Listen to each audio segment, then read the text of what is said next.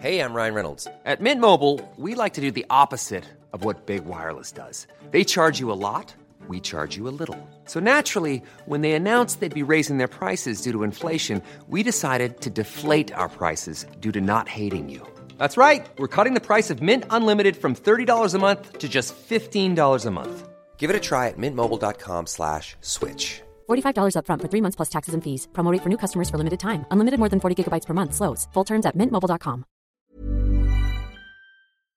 Ukas annonsør i Foreldrerådet er Ekstra. Det er grillsesong. Endelig. Alle dere som har fulgt meg gjennom en lang vinter, vet at jeg har nesten strøket med av kjedsomhet. Men nå kan vi spise ute, vi kan leve ute, vi kan henge ute, og vi kan grille. Ekstra har sitt største grillutvalg noensinne, og hør godt etter nå. Her er en del av grillutvalget deres. Habanero-pølser, salsiccia-pølser, black aged pepper-pølser, cheesy bacon-pølser, beefy burger, cheesy burger, skinny burger, big beefy gourmet-burger, fiskeburger med hvitløk, fiskeburger med baconrødbet og søtpotetburger, soppburger, barbecue grillfilet, svinenakke med oregano og tomat, urtemarinert fårefilet, brisket, eller brisket som det egentlig heter, T-bone steak, flank steak, tomahawk, laksefilet med pesto, laksefilet med sitron, scampi med hvitløk og urter, crispy fiskeburger med ost, kyllingfilet med sitron og urter, kylling overlår, gyros, kyllingspyd, smoke, barbecue, lårfilet av kylling og entrecôte. Takk for meg. Dette er bare noen av produktene i Ekstra sitt største grillutvalg noensinne, og kommer bl.a. fra Norges mest prisvinnende grillserie, Grill Perfekt.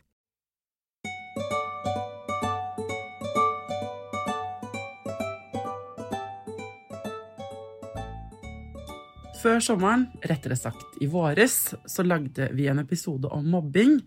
Jeg har laget episoder om det før, men dette er eh, nå en forsker som forsker på mobbing, eh, som var i studio. Ingrid Grimsmo Jørgensen. Eh, og dette er episode to, altså det er en oppfølgingsepisode. Eh, I den episoden, hvis du ikke har hørt den, må du gå og høre den. Den heter Hva er mobbing? Men der snakker vi om liksom, hva definisjonen egentlig er. En litt sånn ny innfallsvinkel, ny forståelse av mobbing som problem. Og hvorfor det oppstår, ikke minst. Men vi kom på en måte aldri helt til løsningene. For det eh, viste seg å være ganske komplisert. Men det skal vi gjøre nå. Hva kan vi gjøre med mobbing i skolen? Hjertelig velkommen til Foreldrerådet, folkens.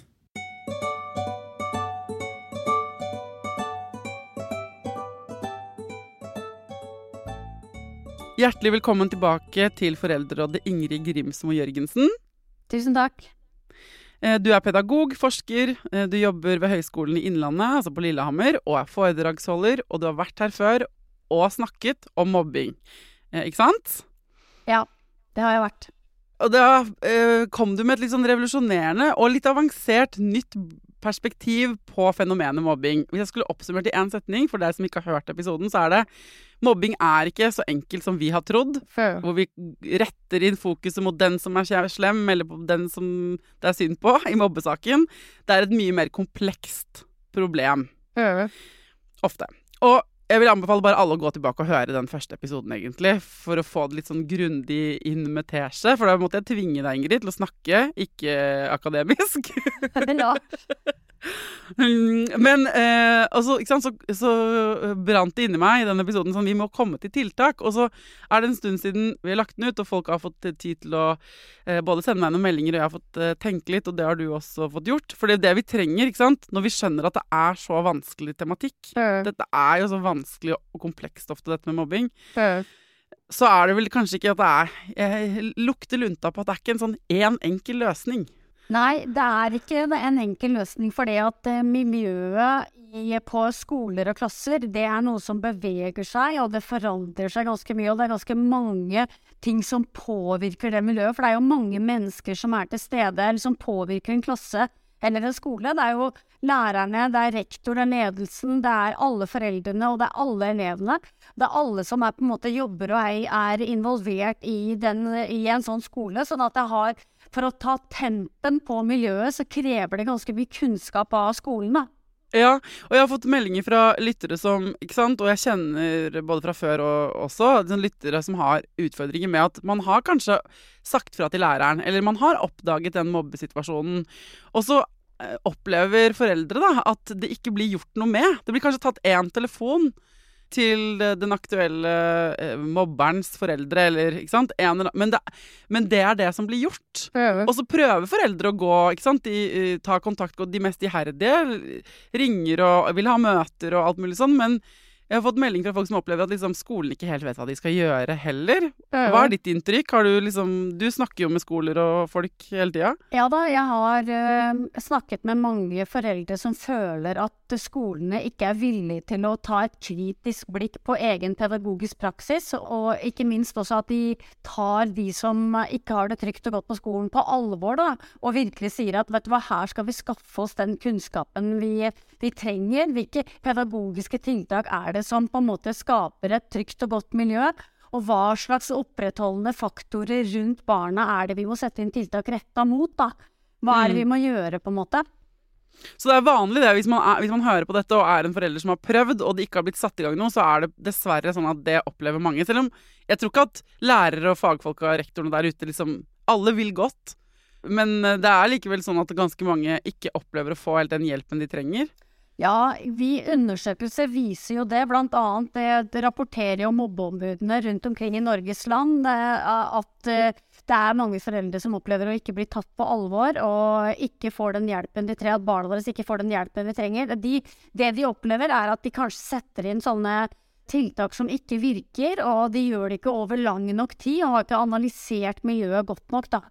Kan du nå eh, hjelpe oss med å lage liksom en slags sånn liten liste over hvordan man skal gå frem, ideelt sett, i en sånn her situasjon? Forrige gang så lagde vi en fiktiv mobber som eh, heter Martin, og et mobbeoffer som heter Jesper. Vi kan jo eh, eh, godt bruke La oss bruke jentenavn denne gangen, for å eh, utvide repertoaret litt. Ja. Så vi har, la oss si at situasjonen i en klasse er at en som heter eh, Siri, opplever å være, ha det utrygt i skolehverdagen sin og komme hjem og er lei seg, og, ikke sant? Ja. fordi hun opplever at noen andre jenter i klassen holder henne utenfor. Ja. Hvordan skal man gå frem her fra liksom, et forskerperspektiv? Ja, altså jeg tenker at uh, det viktigste er å få, få tak i hva slags kultur er dette her. For som du sier da, så er det ofte en litt sånn bråkjekk stil overfor kanskje både gutter og jenter i denne klassa, og det er særlig ei jente da, som føler seg ekstra utsatt i miljøet, hun føler seg utrygg når elevene stadig møter hverandre med nedsettende kommentarer, kanskje de latterliggjør hverandre og holder hverandre på utsida, viser med kroppsspråket sitt at, de, at hun ikke er på innsiden for eksempel, og at de ikke er venner med henne. Og det kan godt hende at elevene, det er veldig mange elever som støtter hverandre når de slenger kommentarer, og så kan det også hende at det er noen elever som ikke tør å si noen ting, for da er de redde for at de blir utsatt for mobbing i neste omgang. Og det er veldig mange elever som er med på dette her, da. Og noe av dette her, for ofte så ser jeg det når jeg går inn i sånne klasser, så ser jeg at det foregår i det skjulte. Det foregår på en måte kanskje under overflata. Lærere ser og fornemmer noe av denne kulturen som foregår. Og de ønsker å virkelig gjøre noe med kulturen, men de føler at de har mista kontrollen, og de kjenner at det er vanskelig å nå inn til alle elevene. Det er ganske typisk i sånne klasser. Da Ja. det, første vi må gjøre, er på en måte da å ta tempen på miljøet og snakke med alle elevene. Undersøke Alle elevene? Ja, alle elevene. Det er viktig å ikke snakke med noen vi tror er utsatt for mobbing, og noen vi tror er mobbere, men vi må snakke med alle elevene for å ta tempen på miljøet. For miljøet er i stadig endring, og mobbing kan være ganske fragmentert. Og det kan være, som sagt, det er vanskelig å, å, å, se for alle voksne, på en måte. Men én og én med alle elevene, eller i plenum? Én og én er veldig viktig. Jeg tar elevsamtale med alle elevene for å på en måte finne hvordan har elevene i klassen, hva er det som preger relasjonene mellom elevene, og hvordan er det de ser på klassemiljøet sitt, og hva slags klima det er i kulturen, da. Ok, og i, i disse elevsamtalene så uh, må de jo spørre litt spesifikt også om kanskje den ikke sant? De må, For hvis du spør uh, en tiåring, da, hvordan har du det på skolen? Bra. Altså De fleste vil jo på en måte svare litt sånn flatt, Ja. tenker jeg. Altså Du må jo være litt sånn led... Jeg tenker at den bare for å kunne ha den, bare for å gjøre det første steget og ta tempen, og kunne ha de elevsamtalene, så trenger man jo på en måte kanskje ha forberedt seg ganske godt på liksom Hvordan får vi snakka om disse tingene på ordentlig med alle barna? Det å gjennomføre uformelle eller formelle samtaler med barn, det krever en sånn kunnskap om dialogiske samtaler. hvordan man skal bygge trygge relasjoner til barna underveis i samtalen, og hvordan man skal få løfta fram elevstemmen, og at barn kjenner at deg er det faktisk trygt å snakke med. Jeg kan fortelle alt uten at du tilter eller sier at det er feil det jeg føler, eller så videre. Så det er viktig å øve på gode, trygge dialoger med barn. Ok, sånn at den som skal ha disse samtalene, da er det noe liksom, Dette her er da ikke foreldrenes eh, jobb, da. Dette er skolen, ledelsen eller klasseforstanderen eller noe sånt, som må eh, kontaktlærer som må sitte og ta en prat med alle elevene sine, og da finne ut av ikke sant, hvordan har du det i klassen, er det noe som plager deg, grave litt, få, og kanskje liksom hva trenger du Kartlegge det. Det er det. Eh, ta tempen. Og så, la oss Hvis vi går videre med dette eksempelet, hva finner de ut da i dette fiktive eksempelet? La oss si at det som er på en måte årsaken, det er på en måte at én elev har sagt ifra at det ikke er trygt og godt, og de på en måte begynner nå å få vite at det er en krenkelseskultur som har fått utvikle seg i klasseområdet, og det de kanskje må få får øye på gjennom de samtalene, at det er flere elever som ikke har det bra. Det er altså ikke bare den som har sagt det, men det er flere som, det, som ikke har det trygt og godt. Og det kan godt hende elevene også har fortalt at de har, når de er sammen med andre, f.eks. på fotballbanen eller når de er ute, så kan hende de bruker strategier hvor de mobber andre. De forteller på en måte at de velger de, de, Det kan være mange ganger det kan være vanskelig å styre temperamentet sitt, eller det kan være vanskelig å være sammen med de andre, at de strever når de er sammen med andre. Det kan være masse informasjon du kan få når du snakker med elevene. Ja, og så kan vi bare også, Det er vel det er vel veldig vanlig at det er sånn Ja, noen ganger så blir vi uvenner på fotballbanen-aktig. Altså sånn, Det er vel ingen sånne grupper på 20 barn, eller 20 voksne for den saks skyld, hvor det ikke er friksjon i det hele tatt. La oss si da at du er på jakt etter de opprettholdende faktorene for mobbing i din klasse. Og så avdekker du gjennom de samtalene så avdekker du at det er utrygge relasjoner mellom elevene. Det er altså flere elever som føler at det er utrygt å gå på skolen, og de strever relasjon sammen med de andre på fotballbanen. Og så kan det hende at elever forteller også at det er en svak relasjon til læreren. De, de, kjenner på en måte at kanskje de ikke klarer å snakke med læreren sin. Og så forteller kanskje elevene at det er ikke nok voksne ute. Vi føler Når vi snur oss, ser vi aldri en voksen. Og, og, så er det kanskje også at de finner ut at i den klassa der så er det, er det veldig er det en sånn snitching-kultur, hvor det å sladre det å si fra til voksne, det er å sladre. Og nå begynner du å avdekke de opprettholdende faktorene for mobbing i klasse. Det er utrygt mellom elevene, det er svake relasjoner til læreren, det er manglende voksentetthet, og det å si fra til andre, det er å sladre. Og veldig mye av dette her foregår i det skjulte. Nå har jeg avdekka hvilke, hvilke faktorer er det som er med å opprettholde mobbing i klassa. Og da har du på en måte en liste. ikke sant? Da har du sånn eh, snitching. Forresten, da, da, min unge begynte nå i 7. klasse i høst, så var politiet Kripos på første foreldremøte, for det var sånn rutine i bydelen der hvor uh, han går på skole, da, uh -huh. og fortalte om dette her. Så sånn, snitching er et kjempeproblem uh -huh. i liksom eh, i barneskole. Det, det, var ikke Det kaltes sladring da jeg var barn, ja. mens nå er det litt kulere ord for det, da. Snitching. Og det er der hvor det på en måte aldri har vært veldig populært å være en sladrehank, så er det nå blitt en helt ny versjon av snitching. Og det er blitt veldig alvorlig. Mm. Ja, hvor man på en måte lager en sånn fortielseskultur. Og politiet var der for å snakke fordi det ytter konsekvens som gjør at folk som begår lovbrudd, eller ikke sant, at barn havner i skikkelig trøbbel, da.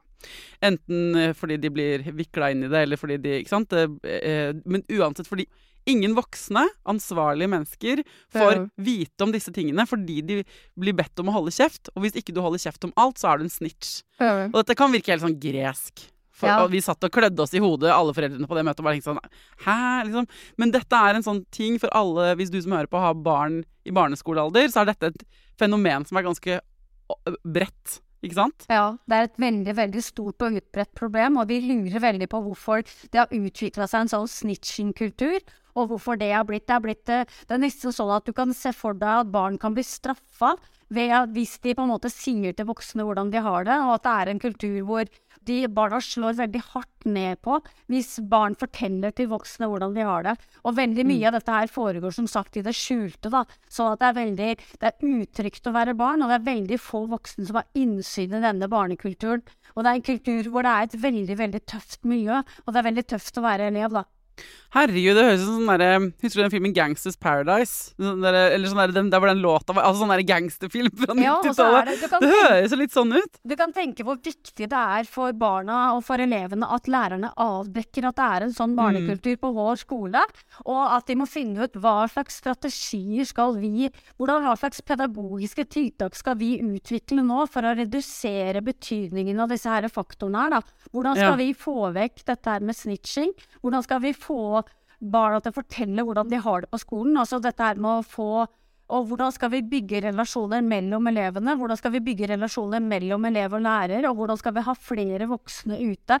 Og det er alle de opprettholdende faktorene det må settes inn tiltak mot for å fjerne betydningen av de opprettholdende faktorene rundt mobbing. Da. Ok, så level 1 er, ikke sant, først ta tempen. En, og dette her er liksom det som fascinerer med dette eksempelet, er at det her er det ett menneske, en jente, som har sagt hjemme at hun ikke har det bra. Hun har snitcha, da, for å bruke ungdommens språk, til foreldrene sine og fortalt hun har delt og vært Ja. åpen og trygg nok til å si at hun ikke har det bra. Ja. Dette, I dette eksempelet utløser at hele klassen, der tar man tempen på hele klassen, som er liksom del to. Er Her skal man riktig. undersøke. Ja. Gå ut, snakke med alle elevene. uh, få kartlagt er dette en del. Hva handler dette om? Og så finner du i dette eksempelet sant? Det, er, er flere opprettholdende faktorer. Da har du fått en liste med forskjellige ting som man da på en måte etter at man har vært klok nok til å ha gode samtaler og føle at man har kommet i bunn og fått avdekket noen faktorer, Ja. blant annet dette med snitching. Det er en konkurranse, ikke sant, mentalitet kanskje. Det foregår noe på fotballbanen. Folk er ikke trygge nok til å si fra. Det er, noe, det er flere som føler seg litt sånn er på alerten, og det er ganske, viser at det er et sånn tøft miljø. Og ikke alle heller føler de kan snakke med læreren. Så der har du en rekke ting på en liste. Hva er da neste steg tre? Det steg tre er da at uh, lærerne uh, sammen med foreldrene finner de rette pedagogiske tiltakene som kan fjerne betydningen av disse her opprettholdende faktorene. Altså De bør da velge å arbeide med mot flere tiltak samtidig. Og de må også være sikre på at de kan gjennomføre disse pedagogiske tiltakene systematisk og over tid. For du, sånn som du sa, du, du vet, vi vet om da barn som går på ungdomstrinnet, som har hatt, opplevd mobbing og utenforskap i, på barneskolen, som fremdeles er veldig prega og veldig utrygge på skolen. Så det er viktig at tiltakene som velges, kan, at man kan jobbe med de helt systematisk og over tid. Og at det ikke minst er bygga på forskningsbasert kunnskap. Sant? Jeg tror at liksom folk som har hatt barn i skolen, eller de som har sendt meg meldinger, og som bare vi, Det er ingen som har vært i nærheten av å ta en prat med hele klassen, selv om vi har sagt fra fem ganger at vår unge ikke har det bra. Ikke sant? Sånn at jeg tenker at på første punkt her, så faller de fleste så vidt jeg vet, norske klasserom av, da.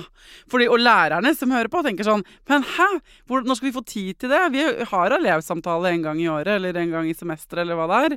Hvordan skal man prioritere det i de, innenfor de rammene som er nå? Ikke sant? Og så tenker man også at vi, når du skal jobbe med de her, disse opprettholdende faktorene her, så tenker man at det er noe man skal gjøre utafor fagene, og så er det ikke det. Det er dette med å fremme vennskap og tilhørighet for elever i en klasse. Det gjør du gjennom fagene. Du gjør det i mattetimen, du gjør det i kroppsøving, du gjør det i norsken, du gjør det i samfunnskunnskapen. Da, det handler om å liksom bygge relasjoner og trygghet gjennom et, med et større fokus på samarbeidslæring. Og et større fokus på hvordan er det vi skal samhandle og samarbeide med hverandre, sånn at den sosiale læringa gjør at vi blir tryggere og tryggere på hverandre, og vi begynner å kan se hverandre inn i øya og, og begynne, å, begynne å jobbe sammen og samarbeide. Og at vi kan ta med oss disse her ferdighetene ut i friminuttet og ut på digitale arenaer og ut på fotballbanen. Men ok, så på det punkt tre med tiltak, da. Du, nå er vi jo fortsatt i den fiktive verden, og dette her vil jo selvfølgelig variere, men det skjønner folk som hører på. Altså, men eh, når du, denne klassen her, da, hvor Siri går, hvor det har eh, blitt avdekket nå en rekke punkter, hva er eksempel et tiltak som da kan foregå i fagene, skjønner jeg, mot snitching-kultur? Ja, altså når, når barn er usikre på hva, om det er lov å si fra til hverandre, og det å, det å huske på at det å si fra, det er å være en venn, liksom. Da må vi trene på det gjennom å, å bygge et, å ha et sett med forventninger til hverandre. Liksom, hva er det, hva slags, hva trenger, og da, da begynner vi å bygge det når vi snakker med elevene. Hva trenger du for å ha det trygt i klassa? Og da kan en elev si, Jeg trenger at det er greit at vi sier ifra til hverandre. Og da må vi begynne å jobbe med det. Vi må begynne å jobbe med at i den klassa vår så skal det være trygt at vi sier ifra når vi ikke har det bra. Og da må vi altså, bygge regler vi skal ha i vår klasse. Og så må vi foreldrene gjøre det samme, ha det klistra på kjøleskapet. Og snakke med elevene og barna våre om hva slags forventninger er det vi har til hverandre, og hvordan er det vi skal snakke sammen og støtte hverandre når vi sier at vi ikke har det bra, da. Men, men, la meg bare være litt vrang. Fordi eh, hvis en sånn kultur har satt seg, og det ikke er noe kult å snitche, ja. så det jo, skal det ofte mer til enn at mamma eller pappa og lærer sier sånn Det er viktig at vi snakker med hverandre i denne familien eller i denne klassen. Ikke sant? Hvordan skal du på en måte For da, da, da vil jo en, en klasse med tiåringer være sånn ja, ja. Og så i friminuttet sånn Herregud, det skal vi i hvert fall ikke gjøre. Altså Hvis den har satt seg, den kulturen, så skal det ganske liksom, Hvordan kan man få det med på laget? Du, jeg har sett eh, fantastiske snuoperasjoner i klasser hvor eh, dette kommer fra elevene selv. Det kommer ikke fra foreldrene eller fra lærerne, det kommer fra elevene selv. Gjennom da å snakke med dem i elevsamtaler. Hvordan, hva trenger du for å ha det trygt og godt? Og så oppsummerer man alle de tingene som alle har sagt i en klasse. Nå skal vi alle sammen gjøre et løft for et trygt og godt og inkluderende klassemiljø, dere. Og, vi, og det er dere som har foreslått disse tiltakene tiltakene. Og dette her skal vi jobbe med. Og lærerne og foreldrene må være det jeg kaller vennlig gnagsår. Og vi skal sitte på skulderen til barn, og ikke minst minne dem på og hjelpe dem til hvordan er det vi skal øve på dette her gjennom læringa.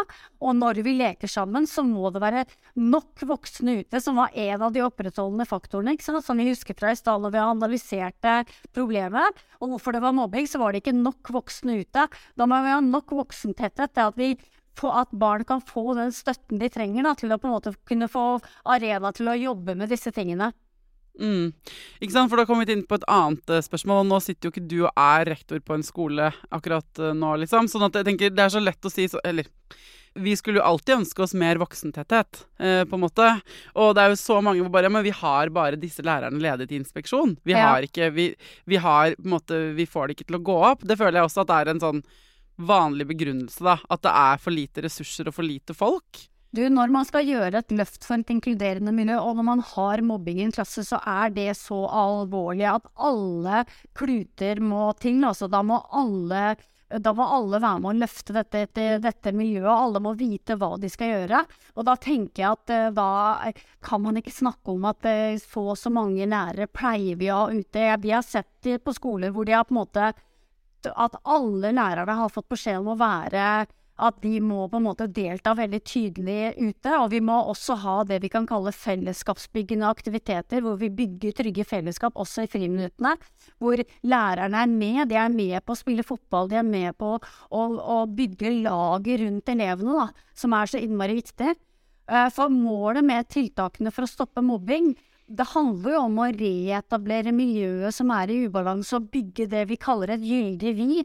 Og hvis vi skal få til det, så må alle lærere og alle foreldre være med å bygge det, bygge det gyldige vi-et for å øke empatien, og at alle eh, elevene lærer at vi skal ta et relasjonelt ansvar, og hva det betyr i praksis, da. Hvordan er det jeg skal ta et relasjonelt ansvar for mine medelever? Hvordan skal jeg få til det? det må, da, må vi, da må vi ta det stein for stein. Jeg skal være litt drang en gang til. For foreldrene til Siri her, i dette tilfellet, ikke sant? det er de som har snakket med ungen sin, og som opplever at det er problematisk. Ja. I utgangspunktet. Og så settes det i gang, da, eh, i denne klassen, disse tiltakene. Eller først så blir det elevsamtale med alle og alt mulig sånn. Det er ganske mange foreldre i den klassen som da har barn som tilsynelatende har det dritbra. Ok, ja. det er noen som dukker opp på de elevsamtalene, at de ikke har det bra og sånn. Men så har du en gjeng i den klassen som bare tenker sånn Nei, det er helt uproblematisk. Jeg vil egentlig at mitt barn skal konsentrere seg om å lese mer og skrive mer, og dra på, at de får tatt, dratt på den der leirskolen vi har snakket om, eller at vi får liksom ordentlig gode gymtimer.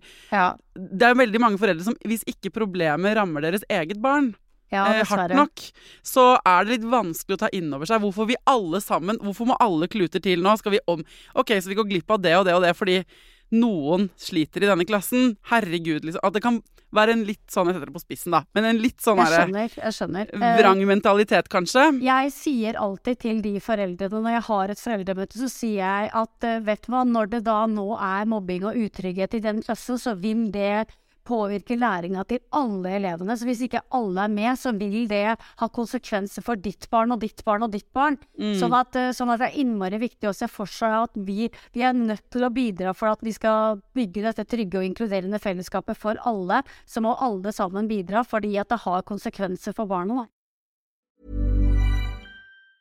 Many of us have those stubborn pounds that seem impossible to lose, no matter how good we eat or how hard we work out. My solution is PlushCare. PlushCare is a leading telehealth provider with doctors who are there for you day and night to partner with you in your weight loss journey. They can prescribe FDA-approved weight loss medications like Wagovi and Zepbound for those who qualify. Plus, they accept most insurance plans. To get started, visit plushcare.com slash weight loss. That's plushcare.com slash weight loss. Hold up. What was that? Boring. No flavor. That was as bad as those leftovers you ate all week. Kiki Palmer here, and it's time to say hello to something fresh and guilt-free. Hello Fresh. Jazz up dinner with pecan-crusted chicken or garlic butter shrimp scampi. Now that's music to my mouth. Hello Fresh. Let's get this dinner party started. Discover all the delicious possibilities at HelloFresh.com. Hey, it's Ryan Reynolds, and I'm here with Keith, co star of my upcoming film, If, only in theaters, May 17th. Do you want to tell people the big news? All right, I'll do it. Sign up now and you'll get unlimited for $15 a month in six months of Paramount Plus Essential Plan on us. Mintmobile.com slash switch. Upfront payment of $45 equivalent to $15 per month. Unlimited over 40 gigabytes per month. Face lower speeds. Videos at 480p. Active Mint customers by 531.24 get six months of Paramount Plus Essential Plan. Auto renews after six months. Offer ends May 31st, 2024. Separate Paramount Plus registration required. Terms and conditions apply if rated PG. Ja, ikke sant? og da kan du sende, Hvis dere har denne diskusjonen i klassen, hvis du som hører på, ikke sant? at dette er en diskusjon med noen av dine venner, eller at du kjenner at det er de holdningene der, litt sånn gammeldags og sånn her, dette er ikke mitt problem, det er, eh, problem, for det er ikke mitt, min unge som mobber noen. Um, for det kan være ganske ekkelt også, det anerkjenner jeg. Og de som man får høre at sitt eget barn har hatt problematisk oppførsel. Det er jo veldig ekkelt, ikke sant. Da blir man jo full av både trang til å beskytte sin egen unge, men også kanskje å få piggene litt ute. Så det er helt forståelig. Ja. Men da kan man jo sende den første episoden vi lagde, Ingrid, um, hvor det handler om Hvor jeg brukte den analogien om min ja. egen kropp. Men ikke sant, hvor hvis, hvis alle barna i denne klassen enten de vil eller ikke, på en måte, siden de er i den klassen, så er de del av det økosystemet. Der hvor kanskje hofta er problemet, men det er der symptomet kommer opp. Men nakken og alt i hele ja. denne kroppen henger sammen. Ja, det er et godt bilde. Ikke sant? Sånn at den, de som har det kjempebra nå Dette her handler også om sånn å sørge for at din unge fortsetter å ha det trygt. At det ikke begynner å bli, gå utover flere i den klassen. Ja, det er et veldig godt at, bilde. Ikke sant? Ja. Så å bare gi folk litt sånn den derre Ja, dette er, det er ikke sånn at vi kan på en måte koble disse relasjonene fra hverandre, fordi de er i det samme rommet liksom seks timer hver dag. Så det at en i klassen har det vondt, vil påvirke de andre i det rommet, enten det dukker opp på hjemmebane eller ikke. Ja, det er et stort maskineri, da, hvis for de som er så gamle at de har sett liksom professor Balthazar på, som tegnefilm, ikke sant. Ja. De, de, der hadde han et bilde av et, en stor maskin og et stort maskineri som skal så hvor det er så mange faktorer som, skal, faktisk, som påvirker hverandre for at dette skal bli bra. da. Og mm. foreldrene og foreldresamarbeidet er en så innmari stor og viktig del. Så hvis foreldrene bare sier nei, dette er ikke vårt problem, så, så, vil det bidra til at læreren vil ha en veldig veldig stor og lang jobb for å, for å nå målet om nulltoleranse mot mobbing, og for å klare å håndtere det som skjer i klassa. da. Foreldresamarbeid er så viktig. Ja, jeg laget episode om sånn skole-hjem-samarbeid. To stykker, faktisk. Litt tilbake i katalogen. Det kan uh, folk gå tilbake og høre på. hvis Der er det mange gode tips. Men så har jeg også diskutert dette med skolen til min sønn. Og liksom, fordi jeg er FAU-kontakt. Altså, resultatet av at jeg lagde to episoder om skole-hjem-kontakt, var at jeg meldte meg inn i FAU. Så uh, for å uppe gamet da på uh, sjuende året, for første gang jeg liksom meldte meg til noe. Og der kan jeg se sånn i praksis at det der å hvor mange foreldremøter ikke sant? Det, man, eh, det, å faktisk få til i denne eh, fiktive eh, Dette eksempelet vårt med Siri sin klasse ja. Når man har tatt tempen på hele den klassen og blitt funnet ut av ting og har snakket med klassen, så må jo foreldrene må jo på banen her. Ja. Skal man invitere til ekstraordinært foreldremøte? Skal Absolutt. man sende en mail? Ikke sant? Hvordan skal man få foreldrene knytta inn i ja. i det her. Jeg tenker at du, du, sa det som var det viktigste, å kalle, umiddelbart kalle inn til et ekstraordinært foreldremøte. Og ikke minst er det viktig på det foreldremøtet å ha fokus på at nå skal vi sammen dere gjøre et løft for et inkluderende miljø. Det er ikke, vi skal ikke snakke om hvem som har skylda, hvem som skal straffes, hvem er det som skal få kjeft. Er, hva slags konsekvenser er det vi skal sette inn i denne klassen nå? Nei, vi skal, vi skal sammen prøve å nå målet om et trygt og inkluderende miljø. Og hva slags tiltak er det vi veit kan bidra til å skape et sånt miljø, da, slik at alle elevene kjenner trygghet og tilhørighet. Og sammen skal vi få til dette her nå. Og, vi, og da må lærerne være veldig entusiastiske. De må være fulle av kunnskap, og de må vite nøyaktig hvordan, hva de skal si til foreldrene. For at de skal bli med bli med, bli med i denne, denne heiagjengen, da.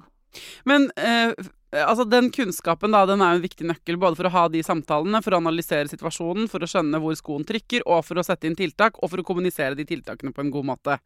Så hvis eh, man i en travel hverdag som lærer ikke føler at man har den kompetansen, fordi den, den sitter jo på en måte du som forsker med, men det er jo eh, ja. liksom for mange ganske nye ting, dette her. Hvordan kan skolen ruste sine lærere på en måte sånn at de har den kunnskapen? Jo, jeg tenker at det er veldig mye, er veldig mye som har blitt gjort de siste årene. Utdanningsdirektoratet har bl.a. laga nettressurser som, som, alle lærere ved en skole kan være med for å bygge kompetanse. Og det har jo vi gjort ved Høgskolen i Innlandet også. Vi har jo en nettressurs som heter Miljøløyper. Og der kan rektor eh, legge til rette for at lærerne kan lære om hvordan er det vi håndterer mobbing. Hvordan ser aktivitetsplikten ut i praksis hos oss? Hvilke miljømessige faktorer er det som er i bevegelse når barn mobber hverandre? Og hvordan mm. er det vi liksom rent pedagogisk skal tenke da, i klasser hvor det er mye uro? Hva trenger, hva trenger de av oss voksne? da? Men hvilke andre tiltak er det man kan gjøre? da? Vi var jo litt inne på ikke sant? Flere ressurser i skolegården eksempel, er et helt konkret tiltak. ikke sant? Og så er det dette med å implementere, dette, i dette tilfellet med liksom snitch-kultur. At folk eh, skylder på hverandre og peker på hverandre hvis man forteller ting til en voksen. Kan du komme noen flere praktiske eksempler på hvordan det låter å jobbe med det? Og gjerne andre ting òg. Jeg tenker liksom dette med å, å, lage normer og regler i en klasse med utgangspunkt i hva er det elevene selv sier at de trenger, og ikke minst også det i neste omgang ha et samarbeid med hjem, hvor vi har et ekstraordinært foreldremøte. Det er to veldig veldig viktige steg på å sammen utvikle normer og regler for akkurat denne klassen. Og ikke minst også at vi snakker om når er det vi skal evaluere hvordan vi har hatt det, hvordan vi har fått til dette her, disse tingene. der. Mange ganger så er det ikke mer enn fire regler vi skal ha. Eh, hvordan er det vi skal lytte til hverandre, hvordan er det man skal reagere når noen sier ifra, hvordan skal vi være gode venner osv. At, at vi snakker om hva slags normer og regler vi skal ha. Og så er det Vi må også snakke om hva slags eh, pedagogiske strategier skal vi ha i klassen for å styrke relasjonene mellom alle elevene på tvers av etablerte vennskapsgrupper. For vi ser også ofte i disse klassene her hvor det er mye uro og mobbing, så er det negative hierarkier og gruppedannelser som har fått lov til å danne. Og da er det sånn at det ofte er vi mot dem kulturer i en klasse hvor det er sånn det er noen gjenger som er sammen. Og så innad i den gruppa så er det veldig høy empati, og det er veldig mye det er veldig gode venner. Men så er det veldig negative relasjoner på de som står på utsida av de relasjonene. Så vi må jobbe da med å styrke vennskapsrelasjonene gjennom de didaktiske valgene vi gjør i fagene. At elevene kan samarbeide gjennom samarbeidslæring og at de kan styrke vennskap, og de kan øve på å være sammen da, og høre på hverandre og være venner og utvikle de der, de der sosiale kompetansene som er så viktige for å forstå andre, sånn som mentalisering, eksempel. Det å trene på å hvordan er det jeg, andre oppfatter meg på utsiden? Hvordan er det jeg skal snakke med mm. medelever? Hvordan skal jeg løse konflikter når vi er sammen? Hvordan skal jeg si fra til andre at jeg ikke har det bra? Hvordan skal jeg si fra til andre at de, at de oppfører seg på en måte som ikke er ålreit i forhold til andre? Så dette med relasjoner og vennskap mellom jevnaldrende, tiltak som er retta mot det, ser vi er veldig, veldig viktig.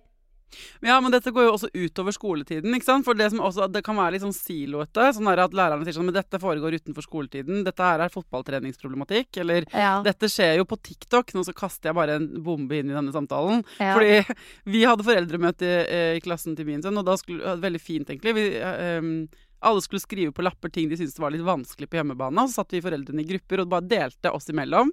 Og det var så deilig tips til alle som skal på foreldremøte, ja. å få høre fra andre foreldre at vi holder på med de samme greiene. Ja. Og jeg føler at jeg har jo en podkast, så jeg får jo hundrevis av meldinger hele tida fra folk som har issues hjemme. Eller sånn Jeg er veldig vant til å høre at at andre strever i sine liv med barn. Da. Det er ikke så lett uh, alltid. Ikke sant? At det kan være utfordrende. Og så var det noe så enda sterkere, selv om jeg er heldig å få masse av de meldingene fra før, så var det så fint å høre at liksom Herregud, det går en kule varmt i de ganske hjem, på ulike fronter. og Man har ulike for... Ikke sant? Det var noe innmari sånn trøstende, apropos anerkjennelse, for ja. meg. Og det er det nok for andre foreldre òg, da. Men det jeg skulle spørre om, var når en av tingene som dukket opp med en gang i dette foreldremøtet, det var sosiale medier. Ja. Snap og TikTok spesielt. Og dette her er på en måte ikke sant, øvre del av barneskolen, da. Fordi eh, vi kan lage så mange normer og regler om at snitching er dumt. Eh, og at vi burde snakke med hverandre om alt. Men mm. så er ungen din ti minutter på sosiale medier og får De, får, de er påvirka av andre kanaler, ikke sant? Ja. Eh, så hvordan, hvordan Hva gjør vi med det?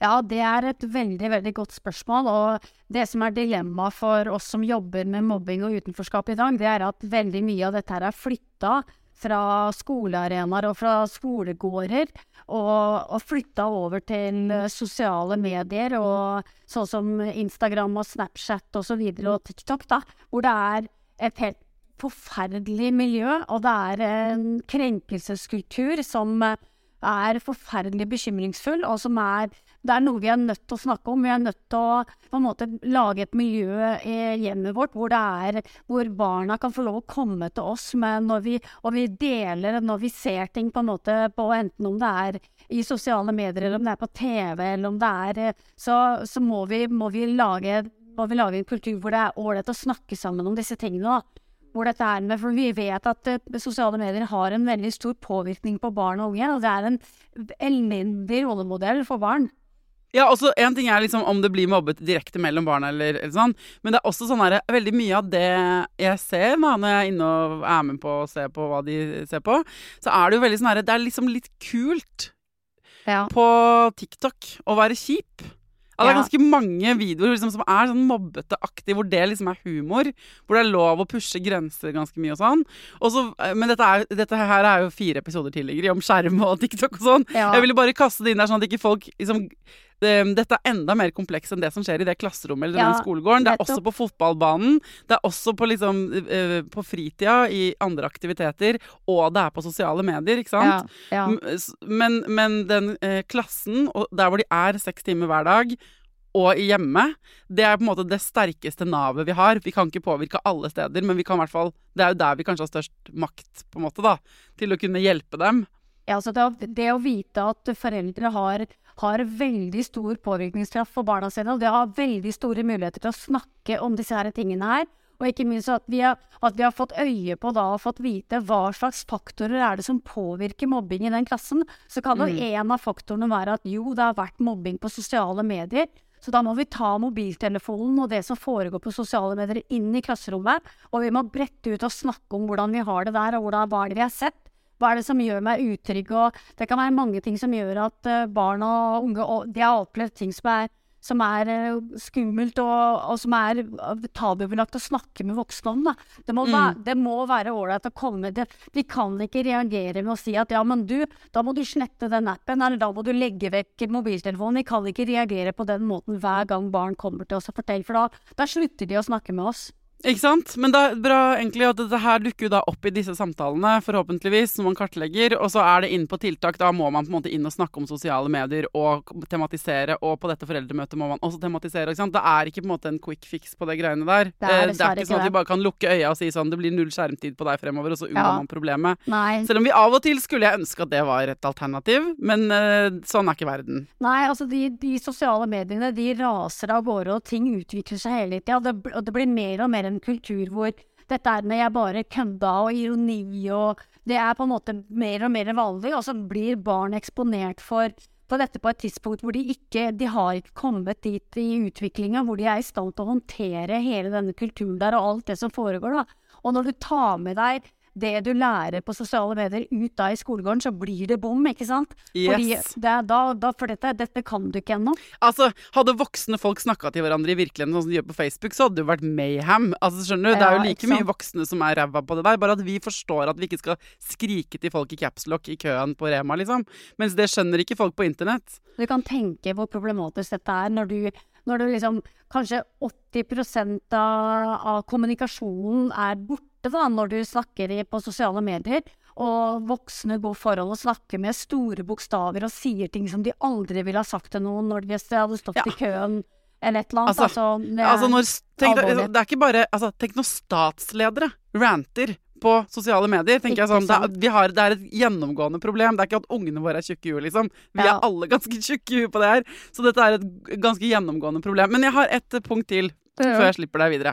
Og det var det du nevnte i stad. For at i denne, jeg, jeg har notert meg her at en tretrinnsrakett så langt, men punkt fire tror jeg også er ganske viktig, som må være evaluering. Ja. Det som er veldig viktig, det er å være påkobla, at både at foreldrene er veldig påkobla, får kontinuerlig og løpende informasjon om hva det er som foregår, og at vi kontinuerlig på en måte endrer det vi At vi tenker at vi må utvikle det vi jobber med, da, og se nærmere på tiltakene. At dette her fungerer, men vi må også ha troa på at eh, de systematiske og forskningsbaserte tiltakene må vi gjøre over tid før de virker. Så vi må både ha tro på at det virker det vi gjør, vi må se på vennskap og relasjoner mellom elevene. Vi må se nærmere på relasjoner mellom elev og lærere. Vi må se på lærerens ledelse av klasser og undervisningsforhold. Vi må se på normene og reglene for det å være barn på den skolen. Vi må se på det fysiske miljøet, og vi må se på samarbeid mellom hjem og skole. Dette er faktorer som kan opprettholde utrygghet og mobbing mellom elevene. Ja, også det der med evaluering. Jeg lærte liksom en gang at et, man, det er veldig lett for oss å snakke sånn ok, vi skal ha et mål om et eller annet, men du, et mål må på en måte, for å være et mål, være målbart. Så man må jo ikke sant, kunne finne ut av om det har blitt bedre, for ellers så kan man jo føle Det kan føles veldig godt i livet eh, å sette i gang masse eller sånn, og planlegge masse tiltak.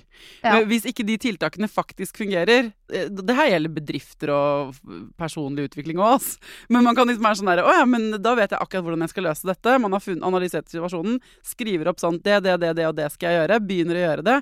Men det kan godt hende at ikke det funker. Så man må og så kan det godt hende at noe funker overraskende godt, eller at man trenger å komme med nye tiltak. ikke sant? Ja. Og det å ha, sånn, ta den der foten i bakken, som du sier, da. ikke sant? Og ha en sånn Hvem skal vi evaluere, hvordan skal vi gjøre det, og når skal vi gjøre det? Det er også Ja, en viktig del av veldig. denne planen, da. Ja, ikke sant. Hvis, hvis tiltakene har satt inn mot utrygge relasjoner, og det å, den snitching-kulturen og det å, disse svake relasjonene, hvis det ikke virker, så må vi, da må vi må analysere og evaluere tiltakene, og ikke minst også se er det andre opprettholdende faktorer i miljøet, er det andre ting som nå har fått lov å utvikle seg, er det flere ting som foregår i det skjulte, må vi ha flere samtaler med elevene, for vi ser jo det på mange skoler at mobbing har en tendens til å utvikle seg, og det har en tendens til ballen har en tendens til å rulle av gårde, da. Ja, altså Det hjelper jo ikke på en måte å ha et sånn ikke sant, La oss si det er noe eh, altså Det hjelper jo ikke å ha én en fagdag om eh, sant, viktigheten av, at, eh, av inkludering. Eller Nei. et eller annet sånn, for så å tenke sånn OK, check, sier lærerne. Vi har gjort det, så viser de i foreldremøtet. Ofte så opplever vi, ikke sant Man viser sant. til alt det smarte man har gjort. Men, Ikke så er det ikke, men har det egentlig funka? Kan man? Det er jo det som teller. Ja, vi må, vi må spørre elevene, vi må snakke, vi må ha gjentatte undersøkelser og ta tempen på miljøet. Bruke på en måte elevlogg til sånn at elevene kan kontinuerlig venne seg til at de skriver om, om klassemiljøet, og vi forteller det til læreren, enten om vi velger å gjøre det anonymt eller vi ønsker å gjøre det med navn. Da. At vi forteller læreren og lager en kultur hvor det er helt, det er helt vanlig at vi snakker sammen om hvordan vi har det. da. Men hvordan skal vi få alle eh, lærere og alle skoleledere og alle barnehageledere og alle foreldre med på dette, da, Ingrid? Du, det er jeg og veldig mange med meg jobber jo kontinuerlig og hver eneste dag for at vi skal bidra til at vi skal få kompetanseheving i skoler og barnehager. Og jeg, både jeg og professor Ingrid Lund og flere med oss, vi, vi, eh, vi syns at vi har nådd et stykke. Altså, vi, har, vi har mange flinke lærere der ute, det er veldig mye flinke skoleledere nå som tar tak og tenker at de har en mer fellesskapsorientert uh, forståelse mot mobbing, da. Ja, og tenker jeg, Nå snakker du jo til tusenvis på tusenvis av norske foreldre, ikke sant? så nå kompetansehever du hjernene våre også. Men jeg lurer på, har du liksom på tampen noe sånn Hvis vi, de som hører på nå, som er mammaer og pappaer, først og fremst, da. Ikke sant? Nå har de fått dette oversiktsbildet. Mm. De har fått en firetrinnsrakett. ikke sant? De har fått eh, nytt perspektiv på hva mobbing er. Du har til og med pekt i retning av noen ikke sant? nettsider og steder vi kan gå for å lære mer. Eh, hva er det vi kan gjøre med dette hvis vi selv står i denne situasjonen? Hva er liksom i dag, når de er ferdig med å høre på denne podkasten, hva er det de kan gjøre hvis de opplever at ungen sin ikke har det noe særlig? Hvis barn ikke har det bra, så skal de si fra til skolen, og skolen har plikt i forhold til opplæringsloven å sette inn tiltak. De har, til, de har en aktivitetsplikt i forhold til mobbing, og de har eh, så foreldrene må ikke gi seg. De må stå på og, og kreve at ting blir gjort, altså. Hvis du eh, melder og sender en mail til læreren, eller til, med kopi til rektor eller til inspektør for den saks skyld, om at ditt barn ikke har et trygt og godt skolemiljø, hvis du skriver den setningen, så utlyser det en plikt Ja. altså hos skolen at de i løpet av en uke eller to, er det ikke det, skal ha laget en aktivitetsplan. Fem dager. Fem dager har de på seg da. Så hvis du har på en måte prøvd på andre måter som forelder å si fra, kanskje å sette en SMS til læreren, du har snakket med dem i gangen, men du opplever ikke at det har blitt satt i gang noe, så kan du sende en mail. Dette, er, uh, dette lærte jeg av en jeg kjenner. Uh, hvor du skriver setningen sånn jeg, uh, Mitt barn har det ikke noe trygt og godt på skolen om dagen. Jeg trenger at vi setter i gang noen tiltak. Det, da har de fem dager på seg til å hive seg rundt, sette opp et møte, begynne, lage en aktivitetsplan. Og hvis de ikke gjør det, så kan du klage dem inn for Fylkesmannen. Til statsforvalteren, ja. Statsforvalteren. Ja, Mm. det Og dette er veldig harsh og sånn, men dette er på en måte det der Man bruker mye tid som foreldre hvis man har en sånn vanskelig situasjon. Og, og selv om lærere og alle mener godt, man, så kan man bruke veldig mye ressurser på å gå rundt grøten og Ja. bli veldig lei seg og føle seg veldig fortvila, fordi det er forferdelig når ungen din ikke har det bra. ja. Og da skal du på en måte uh, When eh, shit hits the fan, som det heter, Ja. så har du faktisk noen rettigheter. Og da, da kan ikke skolen si sånn Men vi vet ikke. Vi vet Nei. ikke hva vi skal gjøre. Det er deres jobb å, å finne ut av det. Ja, og det er veldig mye kompetanse både blant mobbeombudet i, i Norge, og også blant oss som jobber med kompetanseutvikling i skolene, og utvikle nettsteder. Og de kan også ringe oss hvis de lurer på det, hvordan, hvordan er det vi skal håndtere mobbing. Det er masse, masse kunnskap og kompetanse å finne. Ja, men vet du hva, Ingrid, tusen takk for at du har jobber på med dette her, og eh, forklarer det til meg og til alle de andre eh, skikkelig smarte, fine, varme, av og til slitne og fortvila foreldrene der Ja. ute. Og så er det, tenker jeg at hvis, Innboksen min er jo døgnåpen, så hvis folk sitter nå med et sånn konkret spørsmål om sitt barn, eller prosessen med sin skole, eller ikke sant, et mobbeproblem de strever med i sin klasse, så tenker jeg at jeg bare samler på de spørsmålene, og så kan jeg kanskje invitere deg tilbake en gang til å ta liksom folks reelle problemer, og se om vi kan svare på noen spørsmål der. Ja, det hadde vært veldig spennende. Da kan vi på en måte ta og se litt i praksis på hvordan hva er det foreldre opplever eh, med barna sine i dag. Ja, eller lærere for den saks skyld. Det er sikkert det er masse glitrende gode lærere og pedagoger som hører på denne podkasten òg. Så innboksen er åpen, og ingen spørsmål er for vanskelige eller for dumme. Tusen, tusen takk for at du kom tilbake til Foreldrerådet, Ingrid. Bare hyggelig.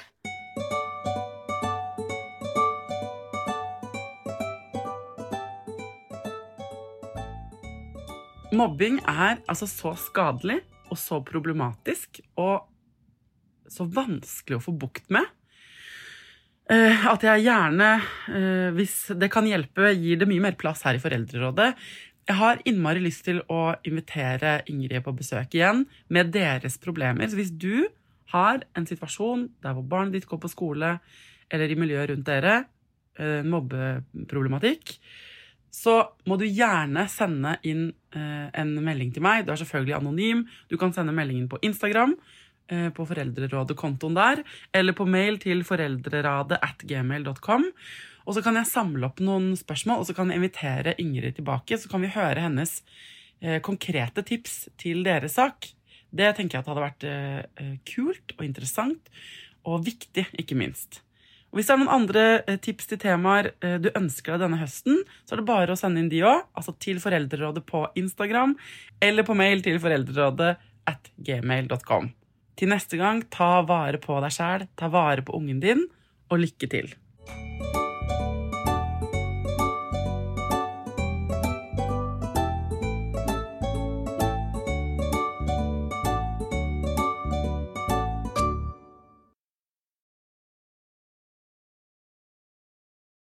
Produsert av Klinge.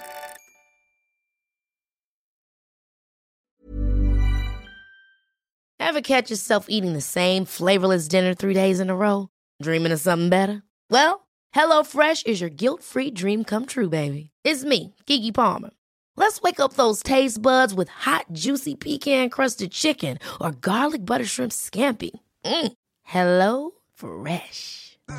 Stop dreaming of all the delicious possibilities and dig in at HelloFresh.com. Let's get this dinner party started.